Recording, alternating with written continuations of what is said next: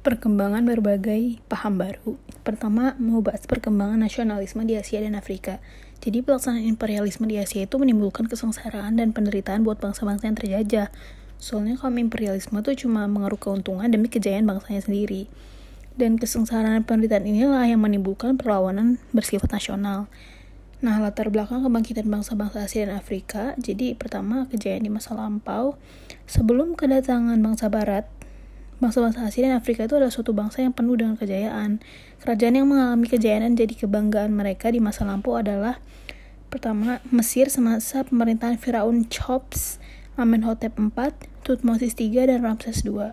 Lalu India semasa pemerintahan Kaisar Ashoka dan zaman Kesultanan Delhi. Terus Cina semasa pemerintahan dinasti Qin dan Han.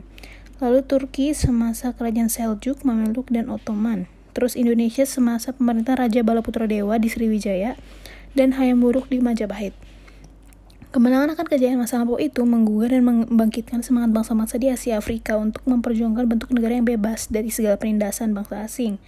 Selain itu, nasionalisme suatu bangsa juga timbul karena kemajuan di bidang politik, sosial ekonomi, kebudayaan di negeri terjajah, dan banyaknya kaum cendekia yang muncul yang menentang kekuasaan imperialisme barat. Terus um, kita bahas bangsa-bangsa di Asia dan Afrika sebagai korban kolonialisme dan imperialisme Barat. Jadi bangsa-bangsa Eropa tuh mulai berdatangan ke Asia Afrika pada abad ke-16 dan waktu itu kawasan Afri Asia Afrika tuh jadi lahan yang diperebutkan eh, sama bangsa-bangsa Eropa sebagai tempat untuk memasarkan hasil industrinya, sebagai tempat untuk mengambil bahan mentah serta bahan baku. Selain itu juga bangsa-bangsa Eropa tuh berlomba buat menanam menanamkan pengaruh politiknya. Nah, gara-gara kewenangan-kewenangan kolonial barat, masyarakat yang dijajah ini menderita dan tertindas. Akhirnya kesadaran itu menimbulkan semangat dan keberanian untuk menentang kaum imperialis dan mewujudkan negara yang merdeka, yang bebas dari pengaruh serta ketidakadilan bangsa asing. Um, terus juga perang antara Jepang dan Rusia diawali dengan persaingan dalam memperebutkan wilayah Manchuria dan Korea. Saat itu, wilayah Manchuria dan Korea ada di bawah kekuasaan Cina. Antara Jepang dan Rusia udah terjalin sejumlah kesepakatan. Tapi ternyata Rusia tuh melanggar isi kesepakatan itu dan itu juga membuat Jepang marah. Akhirnya terjadilah perang Jepang dan Rusia. Nah, perang yang perang itu berlangsung di darat dan di laut. Armada laut Jepang dipimpin oleh Admiral Heihachiro Togo, sedangkan pasukan darat Jepang dipimpin oleh Marsekal Iwao Oyama. Di peperangan itu, Jepang berhasil memukul mundur Rusia dan pertempuran itu diakhiri dengan penanda, penanda tanganan perjanjian Portsmouth pada tahun 1905. Kemenangan Jepang atas Rusia itu memberikan harapan baru bagi bangsa-bangsa Asia dan Afrika untuk mereka. Nah, pertama kita juga mau bahas gerakan nasionalisme Tiongkok. Jadi, dari zaman kuno sampai tahun 1912, Tiongkok ini selalu diperintah sama dinasti-dinasti atau keluarga raja-raja secara turun-temurun. Dinasti terakhir adalah dinasti Manchu atau dinasti Qing. Memerintah dari tahun 1644 sampai 1912. Dinasti ini dianggap dinasti asing sama bangsa Tiongkok. Karena dinasti ini tuh memerintah Tiongkok dengan cara kolot.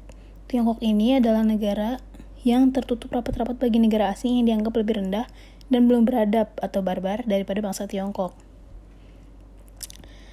Nah, masuknya pengaruh barat ke Tiongkok ini jadi lama-lama kan Barat itu mulai masuk ke Tiongkok dan akhirnya pengaruhnya adalah muncul gerakan rakyat yang menuduh bahwa dinasti Manchu udah lemah dan bekerja sama dengan imperialisme Barat.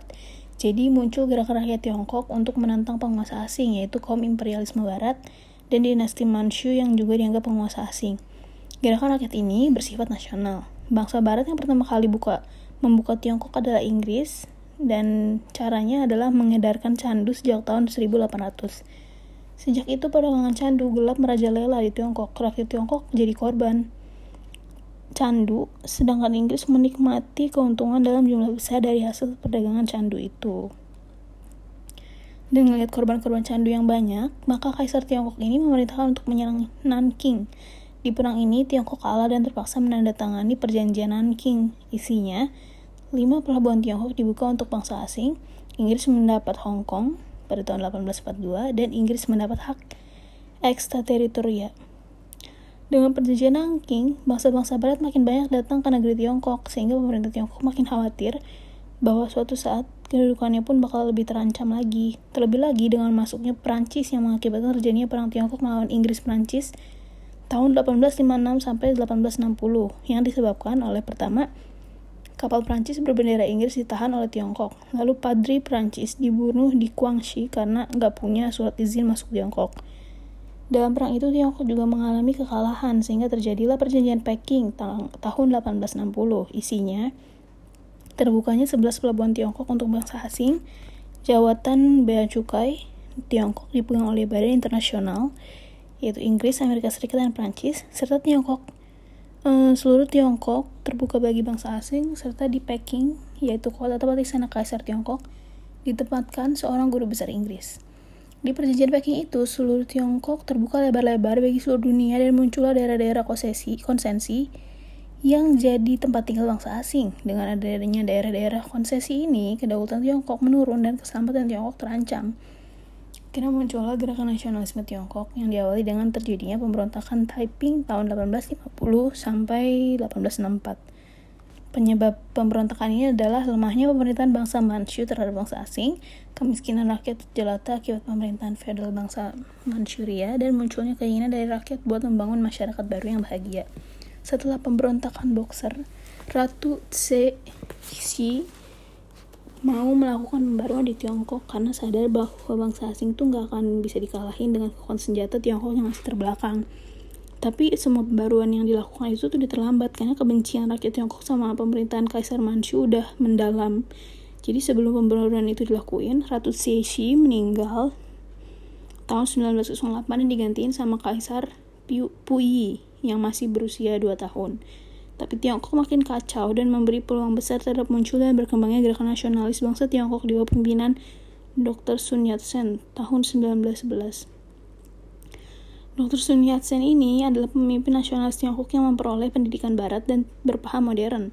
Atas prakarsa ayahnya, dia bersekolah di sekolah Amerika di Hawaii sampai meraih gelar doktor. Ia pernah mencoba melakukan revolusi dan sempat ditangkap agen pemerintah Tiongkok. Saat terjadi revolusi pada bulan Oktober 1911, dia membentuk partai politik bernama Kuomintang atau KMT. Yuan Shikai jadi presiden Tiongkok tanggal 12 Februari 1912 dengan wilayah kekuasaannya mencakup seluruh Tiongkok. Sedangkan Dr. Sun Yat-sen selanjutnya mendirikan Partai Nasional Tiongkok yang namanya Kuomintang tadi itu dan melaksanakan Trisila atau San Min Shui yang berisi nasionalisme, demokrasi, dan sosialisme. Dan setelah jadi presiden, Yuan Shikai bertindak secara diktator dan mau jadi kaisar. Kuomintang dilarang tapi rakyat menentang. Setelah Yuan Shikai meninggal tahun 1916, Dr. Sun Yat-sen memegang kembali kepemimpinannya atas daerah Tiongkok Selatan, tapi daerah utara masih berdiri sendiri. Jadi tahun 1912, Li Lisan mendirikan Partai Komunis Tiongkok, namanya Kung Chang Tang. Jadi sejak tahun 1924 terjadi kerjasama antara kaum nasionalis dengan komunis untuk menghadapi warlords di utara. Kaum nasionalis dipimpin sama Jenderal Chiang Kai-shek, pengganti Dr. Sun Yat-sen yang meninggal pada tahun 1924. Dan setelah wilayah utara berhasil diduduki, tercipta Republik Tiongkok dengan daerah yang mencakup wilayah utara dan selatan dengan ibu kotanya Nanking. Kaum nasionalis yang mau tunduk terhadap pemerintahan Chiang Kai-shek terus melancarkan serangan gerilya di bawah pimpinan Chu Te sehingga sulit dikalahkan. Chiang Kai-shek adalah pemimpin nasionalis Tiongkok berusaha menghindarkan negeri Tiongkok dari revolusi sosial kaum komunis, tapi gagal. Pada akhirnya, dia berkuasa cuma di Pulau Taiwan. Chiang Kai-shek merupakan pemimpin partai Kuomintang setelah Dr. Sun Yat-sen. Dia dikalahin sama golongan komunis Tiongkok pada tahun 1949 dan melarikan diri ke Taiwan. Terus dia memberi Taiwan sampai kematiannya tahun 1975. Sampai sekarang, Taiwan dan Tiongkok masih tetap berselisih. Saat Partai Komunis Tiongkok dipimpin oleh Mao Zedong, muncul lagi usaha-usaha komunis buat merebut kekuasaan. Dan untuk meraih kekuasaan atas pemerintahan Tiongkok, Mao Zedong memimpin gerakan rakyat dan berusaha mendapatkan pengaruh yang luas dari rakyat. Mao Zedong ini memimpin gerakan rakyat dengan mengadakan perjalanan jauh atau long march dari Jiangsu ke Yuan di bagian utara yang jaraknya mencapai 9.700 km. Lanjut kita mau move on ke gerakan nasionalisme India. Jadi tahun 1600 Inggris mendirikan EIC atau East India Company untuk mematahkan perdagangan monopoli rempah-rempah yang dilakukan oleh Belanda. Terus ada juga Prancis mendirikan Compagnie des Indes. Di samping itu, Inggris, Prancis, dan Belanda segera berebut daerah jajahan di Asia. Karena kedudukan Belanda di Indonesia terlampau kuat, maka baik Inggris maupun Prancis nyari daerah jajahannya di India. Tapi di perang 7 tahun, tahun 1756 sampai 1763, Prancis menyerahkan semua daerah jajahannya ke, di India kepada Inggris kecuali Pondicherry dan Chadranagar. Pemberontakan prajurit India atau the India Munity belum bisa dikatakan sebagai perang kemerdekaan atau perang nasional yang sesungguhnya. Masa sudah itu merupakan masa perkembangan nasionalisme India. Jadi ada beberapa faktor yang menyebabkan munculnya nasionalisme India, Di antaranya penderitaan rakyat India akibat penjajahan Inggris itu makin parah dan kedudukan Inggris juga makin istimewa. Terus orang-orang India juga nggak nggak bisa ikut serta dalam pemerintahan. Lalu bertambahnya jumlah orang-orang India yang terpelajar dan udah mengenal keadaan Eropa dan memahami paham-paham baru seperti nasionalisme, liberalisme, demokrasi, dan juga mau melihat negaranya mereka. Terus pertentangan kebudayaan karena Inggris mau memaksakan perkembangan kebudayaan yang tinggi. Terus pemberian status dominion kepada Kanada mengakibatkan India menuntut kepada Inggris supaya India juga diberi status dominion atau hak untuk memerintah sendiri. Lalu ada kemenangan Jepang atas Rusia pada tahun 1909 dan kekuatan pasukan India berhasil dibuktikan dalam Perang Dunia I dan Perang Dunia II. Gerakan nasionalisme India ini punya arti lebih mendalam daripada gerakan-gerakan nasionalisme di negara-negara Asia lainnya. Bagi bangsa India, gerakannya itu nggak cuma buat mencapai kemerdekaan nasional, tapi bertujuan juga untuk mencapai pembaruan-pembaruan pembangunan India termasuk sumber daya manusianya. Contoh yang terbaik dari gerakan itu adalah gerakan Mahatma Gandhi. Mohandas Gandhi adalah seorang tokoh kebangkitan bangsa India. Rakyat India ini memberikan julukan kepada Mohandas Gandhi dengan Mahatma yang berarti Great Soul atau berjiwa besar. Mohandas Gandhi ini lahir dari kalangan kelas menengah dan pernah menempuh studinya di London, Inggris, dan pernah berpraktik sebagai pengacara di Afrika Selatan, yang mana dia merupakan seorang pemimpin yang menentang diskriminasi ras. Ajaran Mahatma Gandhi yang terkenal itu ada Swadesi, yaitu mengembangkan negara dengan kekuatan sendiri, ada Ahimsa, yaitu melawan penjajahan Inggris tanpa kekerasan, ada Hortal, yaitu berkabung atau mogok sebagai tanda protes atau atas kekejaman pemerintah Inggris di India. Lalu ada satyagraha atau non kooperasi yaitu nggak mau kerjasama dengan pemerintah Inggris di India. Rabindranath Tagore adalah tokoh di bidang pendidikan dan pujangga sastrawan India. Lanjut ke peristiwa-peristiwa penting antara Perang Dunia I dan Perang Dunia II. Jadi mulai dari Perang Dunia I dulu, Meletusnya Perang Dunia I ini ada dua sebab yang mempengaruhi yaitu sebab umum dan khusus. Nah, um, pertama sebabnya itu ada kemajuan industri. Itu kemajuan industri di Eropa menimbulkan masalah baru dalam kehidupan masyarakat dalam berbagai bidang. Terus politik kolonialisme dan imperialisme, kemajuan industri yang dicapai itu mengakibatkan munculnya politik kolonialisme dan imperialisme. Lalu juga ada politik mencari kawan jadi keadaan fisik dan politik yang makin tegang ini bikin negara-negara mau nyari kawan buat menghadapi lawan terus akhirnya negara-negara Eropa tuh membentuk persekutuan-persekutuan di antaranya ada Triple Allianti atau blok netral yang dibentuk pada tahun 1882 dengan anggotanya Jerman, Austro-Hungaria, dan Italia. Pada tahun 1913 Bulgaria Bulgaria masuk. Terus Turki juga ikut gabung. Terus kedua ada Triple Entente lahir pada tahun 1907 yang anggotanya Inggris, Rusia, dan Prancis. Lalu juga ada hmm, sebabnya itu lagi ada perdamaian bersenjata.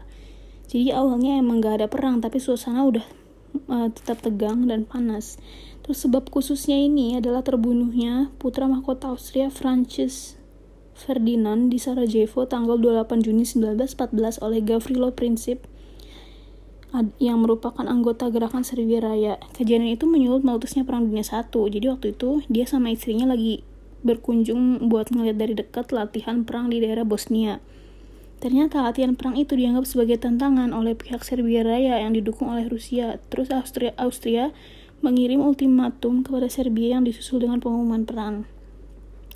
Nah, jalannya Perang Dunia I, jadi pihak-pihak yang terlibat di Perang Dunia I itu ada pihak sekutu atau blok Jerman yang terdiri dari empat negara yaitu Jerman, Bulgaria, dan Austria-Hongaria. Terus ada pihak sekutu yang adalah blok Prancis yang terdiri dari dua tiga negara yang antara lain Prancis, Rusia, Inggris, Italia, Amerika Serikat, Serbia, Belgia, Rumania, Yunani, Portugal, Jepang, dan lain-lain. Nah, sekarang akhir Perang Dunia I pada 11 November 1918. Jadi kekalahan Jerman di front barat ini mengakibatkan kehidupan rakyat makin susah. Keadaan Jerman seperti ini menimbulkan gerakan dari kaum komunis atau Spartacis yang hendak menggulingkan pemerintahan Jerman menghadapi serangan dua kali yaitu dari pihak sekutu dan pemberontakan dari kaum komunis. Karena serangan itu, Jerman terpaksa nyerah pada tahun 1918. Hitler menanamkan gerakan Spartacus itu sebagai tusukan pisau dari belakang punggung Jerman yang menyebabkan Kaisar Wilhelm II turun tahta dan pemerintahan dipegang oleh Albert yang beraliran sosialis. Akhirnya Jerman dijadikan republik dan selanjutnya menyerah kepada pihak sekutu.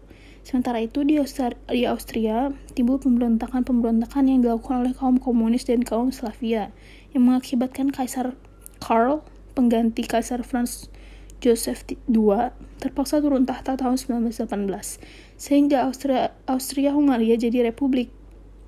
Dan setelah Perang Dunia I berakhir, baik negara-negara yang menang perang maupun negara-negara yang kalah perang sibuk ngadain perjanjian-perjanjian perdamaian seperti perjanjian Versailles uh, pada 28 Juni 1918 yang adalah antara pihak Jerman dengan sekutu yang isinya Jerman menyerahkan Alsace Lorraine kepada Prancis dan Eupen Malmedy kepada Belgia Danzig dan sekitarnya menjadi kota merdeka di bawah LBB, terus Jerman kehilangan semua tanah jajahannya yang diambil oleh Inggris, Prancis, dan Jepang.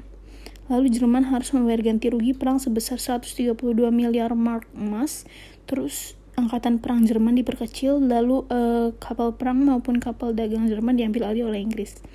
Daerah Jerman Barat, uh, daerah Jerman sebelah barat Sungai Rin atau Rhine, diduduki oleh sekutu selama 15 tahun. Di perjanjian Versailles itu, peranannya dipegang oleh Woodrow Wilson yang merupakan presiden USA, George Clemenceau yang dari Perancis, Lloyd George dari Inggris, dan Victoria Emmanuel Orlando dari Italia. Keempat orang ini dikenal dengan The Big Four. Nah, terus ada juga perjanjian Saint Germain pada 10 November 1919 antara sekutu dengan Austria, Austria yang isinya adalah tidak diperkenankan adanya gabungan Jerman Austria, lalu Austria harus menyerahkan daerah Tirol Selatan Istria kepada Italia dan Bohemia, Moravia kepada Cekoslovakia.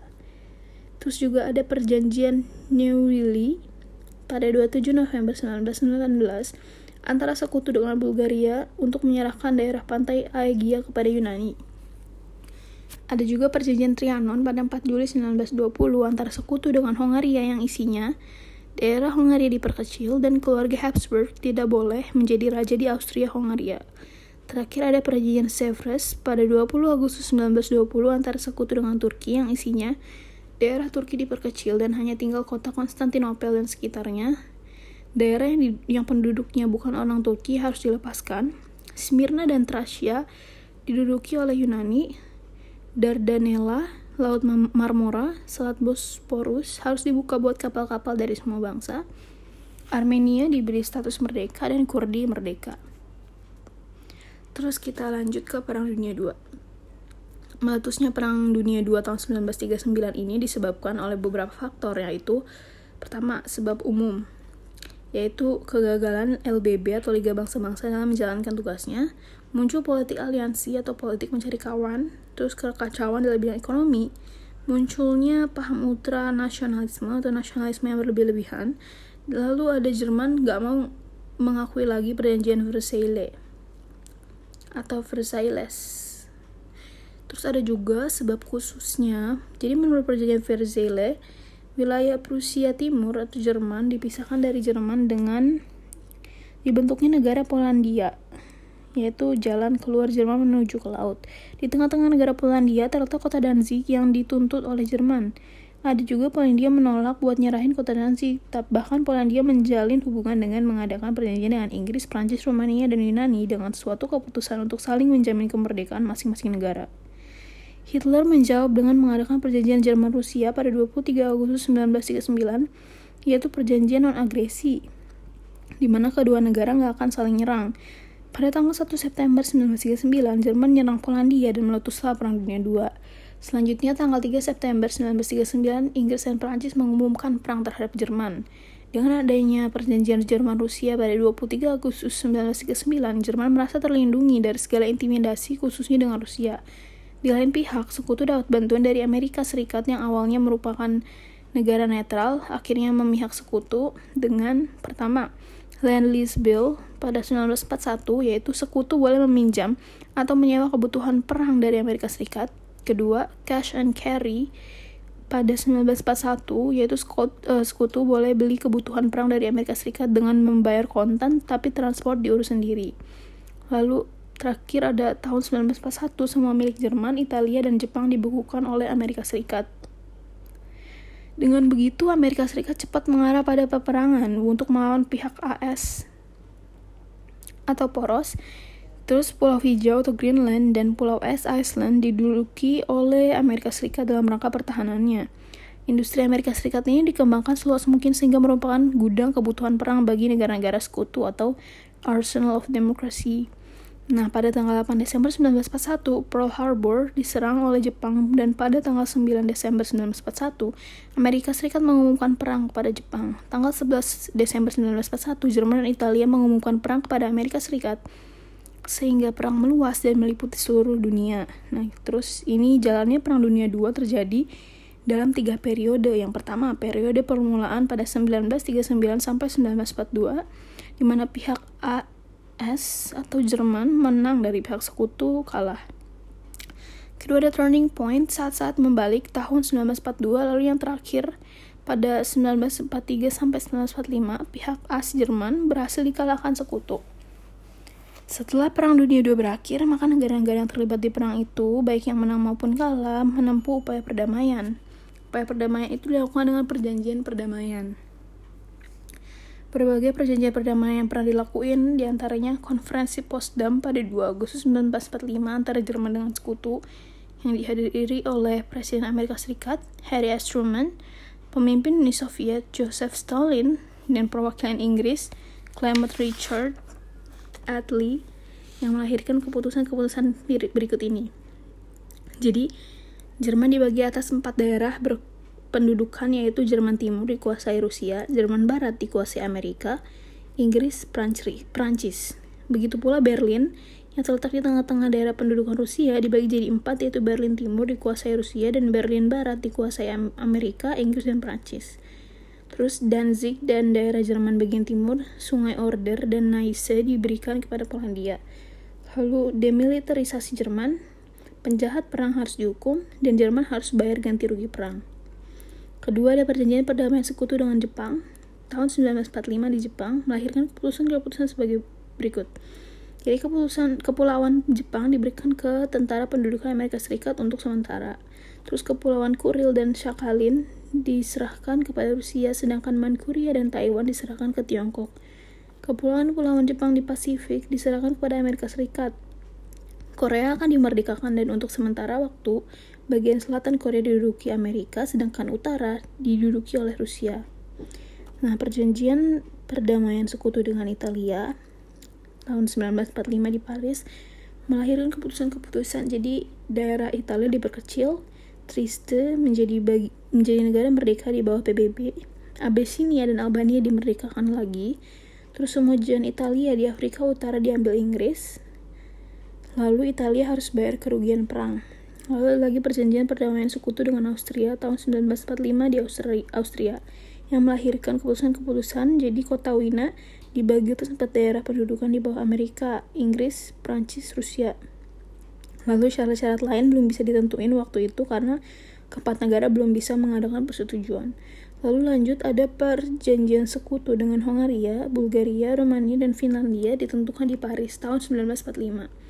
Keputusannya, masing-masing daerah tersebut diperkecil dan masing-masing daerah harus membayar ganti rugi perang. Nah, kalau akibat kehancuran Perang Dunia II ini, pertama dalam sektor politik, jadi Amerika Serikat nggak aja nggak cuma keluar sebagai negara pemenang dalam Perang Dunia II tapi juga sebagai negara penyebab kemenangan sehingga kedudukannya memuncak banget setinggi-tingginya. Terus Rusia keluar dari Perang Dunia II jadi kekuatan raksasa yang luar biasa sehingga ditakuti oleh negara-negara lain. Lalu jadi saingan berat Amerika. Terus ada terjadinya perebutan hegemon di antara Rusia dan Amerika di dunia. Terus jatuhnya imperialisme politik yang disebabkan munculnya nasionalisme di Asia dan mulai berkobar dengan hebatnya menantang imperialisme negara-negara barat. Lalu politik mencari kawan atau aliansi. Kalau ada balance of power policy yang mengakibatkan politik aliansi yang berdasarkan atas kemauan bersama atau collective security, sehingga timbulnya yang pertama North Atlantic Pact yaitu Amerika Serikat, Prancis, Belanda, Belgia, Luxembourg, Norwegia, dan Kanada yang merupakan perjanjian militer di mana serangan terhadap salah satu negara itu. Organisasi ini lebih dikenal dengan nama North Atlantic Treaty Organization atau NATO. Lalu yang kedua ada Middle Eastern Treaty Organization atau METO yang dibentuk tahun 1955 dan terdiri dari negara Turki, Irak, Pakistan, dan Iran. Terbentuknya METO ini dapat tantangan dari Mesir Terus ketiga ada Southeast Southeast Asian Treaty Organization atau SEATO yang adalah rantai pertahanan Amerika di Pasifik sebagai usaha untuk mengepung kekuatan Rusia oleh Amerika Serikat. Rusia menjawab tantangan itu dengan memberikan negara-negara sekitar Romania untuk benteng pertahanan. Lalu ada munculnya politik pemecah belah terhadap negara-negara seperti Jerman, Austria, Wina, Triste, dan Korea mereka dipecah jadi beberapa, beberapa negara yang pendudukan yang berlainan, ideologi, dan disusupi oleh paham-paham yang berbeda sehingga mereka akan tetap dan selalu bersaing. Lalu akibat perang dunia dalam sektor ekonomi, jadi keadaan Eropa ini setelahnya sangat kacau dan makin parah sehingga Eropa tenggelam dalam kesengsaraan dan penderitaan. Amerika Serikat muncul sebagai negara kreditor bagi seluruh dunia Amerika tahu bahwa Eropa yang rusak akan mudah dicengkram oleh Rusia dengan komunismenya, jadi Eropa dan negara lainnya harus dibantu. Berkaitan dengan itu, beberapa lembaga donatur adalah pertama, Truman Doctrine tahun 1947, ya jadi lembaga ini ngasih bantuan ekonomi dan militer ke United dan Turki. Lalu Marshall Plan tahun 1947 yang memberi bantuan ekonomi dan militer untuk membangun kembali ekonomi atas rencana yang terlebih dahulu dibuat oleh negara-negara Eropa dan disetujui oleh Amerika. Lalu ada Point for Truman, jadi lembaga ini memberi bantuan kepada negara-negara yang masih memerlukan bantuan di Asia dalam bentuk bantuan ekonomi dan militer. Contohnya Mutual Security Act atau MSA. Terus ada terakhir Colombo Plan yang merupakan ciptaan Inggris, jadi lembaga ini mengutamakan kerjasama antar negara di bidang ekonomi dan kebudayaan. Nah, kalau akibat Perang Dunia II dalam sektor sosial, jadi reaksi yang muncul dalam bentuk kerjasama di antara bangsa-bangsa di dunia itu salah satunya berlatar belakang akibat Perang Dunia II ini mendorong masyarakat dunia untuk membentuk United Nations Relief and Rehabilitation Administration atau UNRRA dengan membantu masyarakat yang menderita dalam bentuk memberikan makan orang-orang yang terlantar, mengurus pengungsi-pengungsi dan mempersatukan anggota keluarga yang terpisah akibat perang, mendirikan rumah sakit dan balai pengobatan, mengerjakan kembali tanah-tanah yang udah rusak.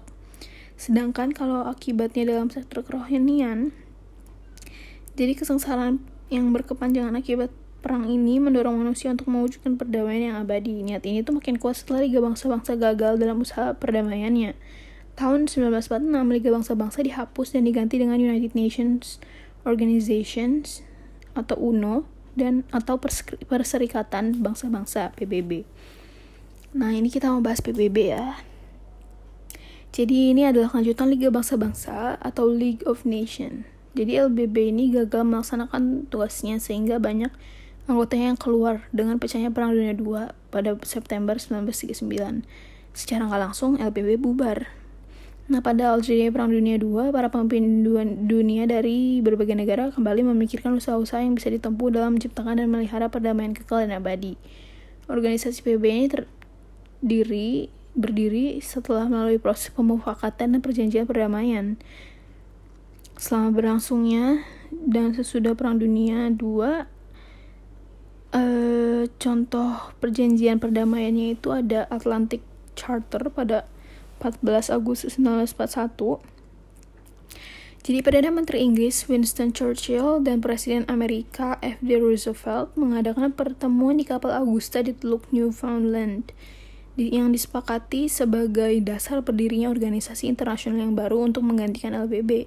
Isi pokok piagam Atlantik atau Atlantic Charter adalah perlu adanya kesepakatan dan kerjasama antar bangsa dalam menyelesaikan sengketa-sengketa internasional. Kedua ada Charter for Peace tahun uh, pada 26 Juni 1945. Jadi permulaan tahun 1945, wakil-wakil dari 50 negara yang disponsori empat negara besar yaitu AS, Inggris, Tiongkok, dan Rusia berkumpul di San Francisco. Mereka membicarakan dan membentuk organisasi pengganti LBB. Isinya, setiap bangsa mempunyai hak untuk menentukan nasib sendiri atau right of self-determination. Piagam ini melandasi kegiatan organisasi PBB atau UNO. Istilah UNO ini pertama kali digunakan oleh F. Roosevelt pada tanggal 1 Januari 1942. Piagam perdamaian ditandai oleh 50 negara peserta konferensi San Francisco ini belum bisa dilaksanakan tugasnya karena belum belum bisa melaksanakan tugasnya karena belum mendapat pengesahan atau persetujuan dari parlemen masing-masing. Baru pada tanggal 24 Oktober 1945, badan tersebut disahkan sebagai uh, sebagian besar negara peserta. Jadi pada 24 Oktober 1945 diakui sebagai hari berdirinya PBB. Lanjut bahas ke kelahiran negara baru. Jadi pertama ada Republik Rakyat Tiongkok. Pada akhir Perang Dunia II, Tiongkok ini muncul sebagai negara besar dan jadi salah satu dari The Big Five, yaitu Amerika Serikat, Uni Soviet, Inggris, Prancis, dan Tiongkok. Tiongkok yang dimaksud adalah Tiongkok nasionalis yang dibawa Presiden Chiang Kai-shek. Sementara itu, bentrokan golongan nasionalis Kuomintang dengan golongan komunis Kung Chang Tang itu terjadi. Maka perang nggak bisa dicegah lagi dan meletus tahun 1946. Setelah seluruh daratan Tiongkok jatuh ke tangan Kung Chang Tang, maka pada tanggal 1 Oktober 1949 diproklamirkan berdirinya Republik Rakyat Tiongkok atau RRT dengan ibu kotanya Beijing dan presidennya Mao Tse-tung. Mao Tse-tung. Pemerintahan RRC ini segera diakui oleh Uni Soviet dan negara-negara non-komunis juga mulai mengakuinya seperti Myanmar, India, Inggris, Prancis, dan lain-lain. Sedangkan Amerika nggak mengakui, sebaliknya mengakui pemerintahan Chiang Kai-shek di Taiwan. Amerika juga menentang hadirnya Republik Rakyat Tiongkok di PBB. Kedua, Republik Rakyat Korea Selatan. Jadi bulan September 1945, Amerika Serikat tuh mendaratkan pasukan di Korea Selatan. Sehingga di Korea ada dua daerah pendudukan yaitu Korea Utara yang dikuasai Uni Soviet dan Korea Selatan yang berbentuk negara Republik Korea dengan ibu kotanya Seoul dan Syngman Rhee sebagai presiden pada 15 Agustus 1948. Sedangkan Korea Utara berbentuk negara Republik Demokrasi Rakyat Korea dengan ibu kotanya di Pyongyang di bawah pimpinan Perdana Menteri Kim Il-sung pada September 1948. Lanjut ke Singapura. Tahun 1946, Singapura jadi crown colony dari Kerajaan Inggris. Kedudukannya sama dengan negara-negara di Malaka. Kemudian pada tahun 1959, ada pemerintahan sendiri bagi negara merdeka. Selanjutnya, bulan bulan September 1993, Sabah dan Sarawak serta Singapura bergabung dengan Malaysia. Sejak 9 Agustus 1965, Singapura menarik diri dari Malaysia dan, ber dan berubah jadi Republik Singapura sampai sekarang. Lanjut Indochina. Tahun sejak tahun 1940, Indochina ini jadi jajahan Prancis yang diduduki oleh Jepang. Indochina dijadikan sebagai basis untuk penyerbuan ke Malaka oleh Jepang. Sementara itu terjadi gerakan rakyat yang bersenjata dan bersatu menentang Jepang. Gerakan rakyat yang bersatu terkoordinasi dalam gerakan Viet Minh atau Vietnam Doc Lap Dong Minh Hoa atau Persatuan Kemerdekaan Vietnam. Gerakan ini dipimpin oleh Nguyen Ai Quoc yang lebih dikenal dengan nama Ho Chi Minh. Pasukan Viet Minh berhasil menguasai Indochina Utara, sedangkan pihak Jepang mengangkat Raja Baudai sebagai pimpinan Indochina. Setelah Jepang menyerah, maka Raja Baudai segera diturunkan dari tahta. Ho Chi Minh memproklamasikan kemerdekaan Indochina pada tanggal 22 Agustus 1945. Republik baru itu disebut Republik Vietnam. Presiden pertamanya adalah Ho Chi Minh. Pasukan sekutu diawali, dia diwakili oleh pasukan Tiongkok yang menduduki Indochina bagian utara. Indochina bagian selatan diduduki oleh Inggris. Prancis segera masuk ke Indochina dengan tujuan mengembalikan sistem penjajahannya dan gak menyetujui pemerintahan Ho Chi Minh. Tanggal 1946 terjadi perundingan antara Vietnam dengan Prancis di Fontainebleau di Prancis dan Prancis mengusulkan supaya dibentuk empat negara mereka yaitu Vietnam, Laos, Kamboja, dan Cochin, Tiongkok. Keempat negara baru itu akan bergabung dengan Uni Prancis. Perundingan itu mengalami kegagalan dan pecah perang antara Vietnam dan Prancis sejak tahun 1946 sampai 1954. Di bulan Maret 1949, Prancis mengangkat kembali Raja Bao Tai sebagai kepala negara Vietnam dalam lingkungan Uni Prancis, tapi perang tetap berkobar. Pasukan Vietnam melakukan perang gerilya yang dipimpin oleh Jenderal Nguyen Giap, tapi makin lama sifat perang berubah dari perang gerilya jadi perang frontal. Tahun 1954, benteng Prancis di Dien Phu dikalahkan oleh pasukan Vietnam, menyebabkan diadakannya gencatan senjata dan disusul dengan perundingan Jenewa pada 1954. Hasil perundingan Jenewa adalah pasukan Vietnam ditarik mundur dari Vietnam Selatan, Laos, dan Kamboja. Vietnam dibagi jadi dua, yaitu Vietnam Selatan di bawah Raja Bao Tai dengan ibu kotanya Saigon, dan Vietnam Utara di bawah Ho Chi Minh yang ibu kotanya di Hanoi. Pada tahun 1956, diadakan pemilihan umum untuk menentukan kehendak rakyat tentang status Vietnam Utara, Vietnam Selatan, Kamboja, dan Laos. Terus terakhir pasukan Prancis akan ditarik mundur dari seluruh Vietnam. Dan setelah Perang Dunia II, Laos menjadi monarki konstitusional di bawah pimpinan raja-raja dari dinasti Luang para Prabang. Sejak tahun 1949, Laos jadi negara merdeka dalam lingkungan Uni Prancis. Dalam perundingan Jenewa tahun 1954, kemerdekaan Laos diakui dengan Raja Somdet Prachau Sisavang Fong sebagai pemegang tampak pemerintahannya. Sesudah Perang Dunia II, Kamboja jadi negara merdeka di bawah pimpinan Pangeran Norodom Sihanouk. Sihanouk. Tahun 1947, Kamboja maju selangkah menjadi negara monarki yang berundang-undang dasar.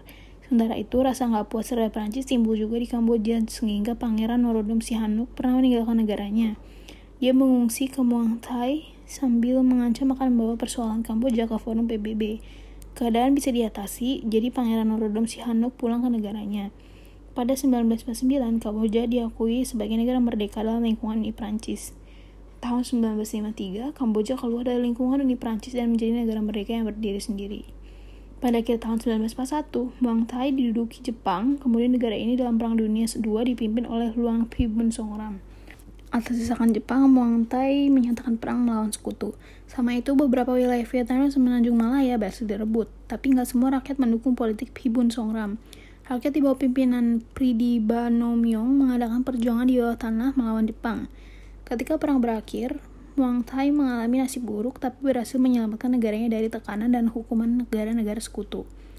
Dengan tertembaknya Raja Ananda Mahidol pada 1946 menyebabkan Jenderal Luang Pibun Songram atau Pibu Songram memimpin negaranya. Songra menunjukkan sikap anti terhadap komunis, oleh karena itu Amerika Serikat mengakuinya. Sebagai pengganti Raja Ananda Mahidol yang tertembak mati tahun 1946, diangkat adiknya yang bernama Raja Pumipon yang baru berusia 19 tahun dan sedang belajar di Swiss. Dalam melaksanakan pemerintahannya, Pumipon Adulet dibantu oleh Kedewan Kerajaan hingga tahun 1950. Gitu, selesai.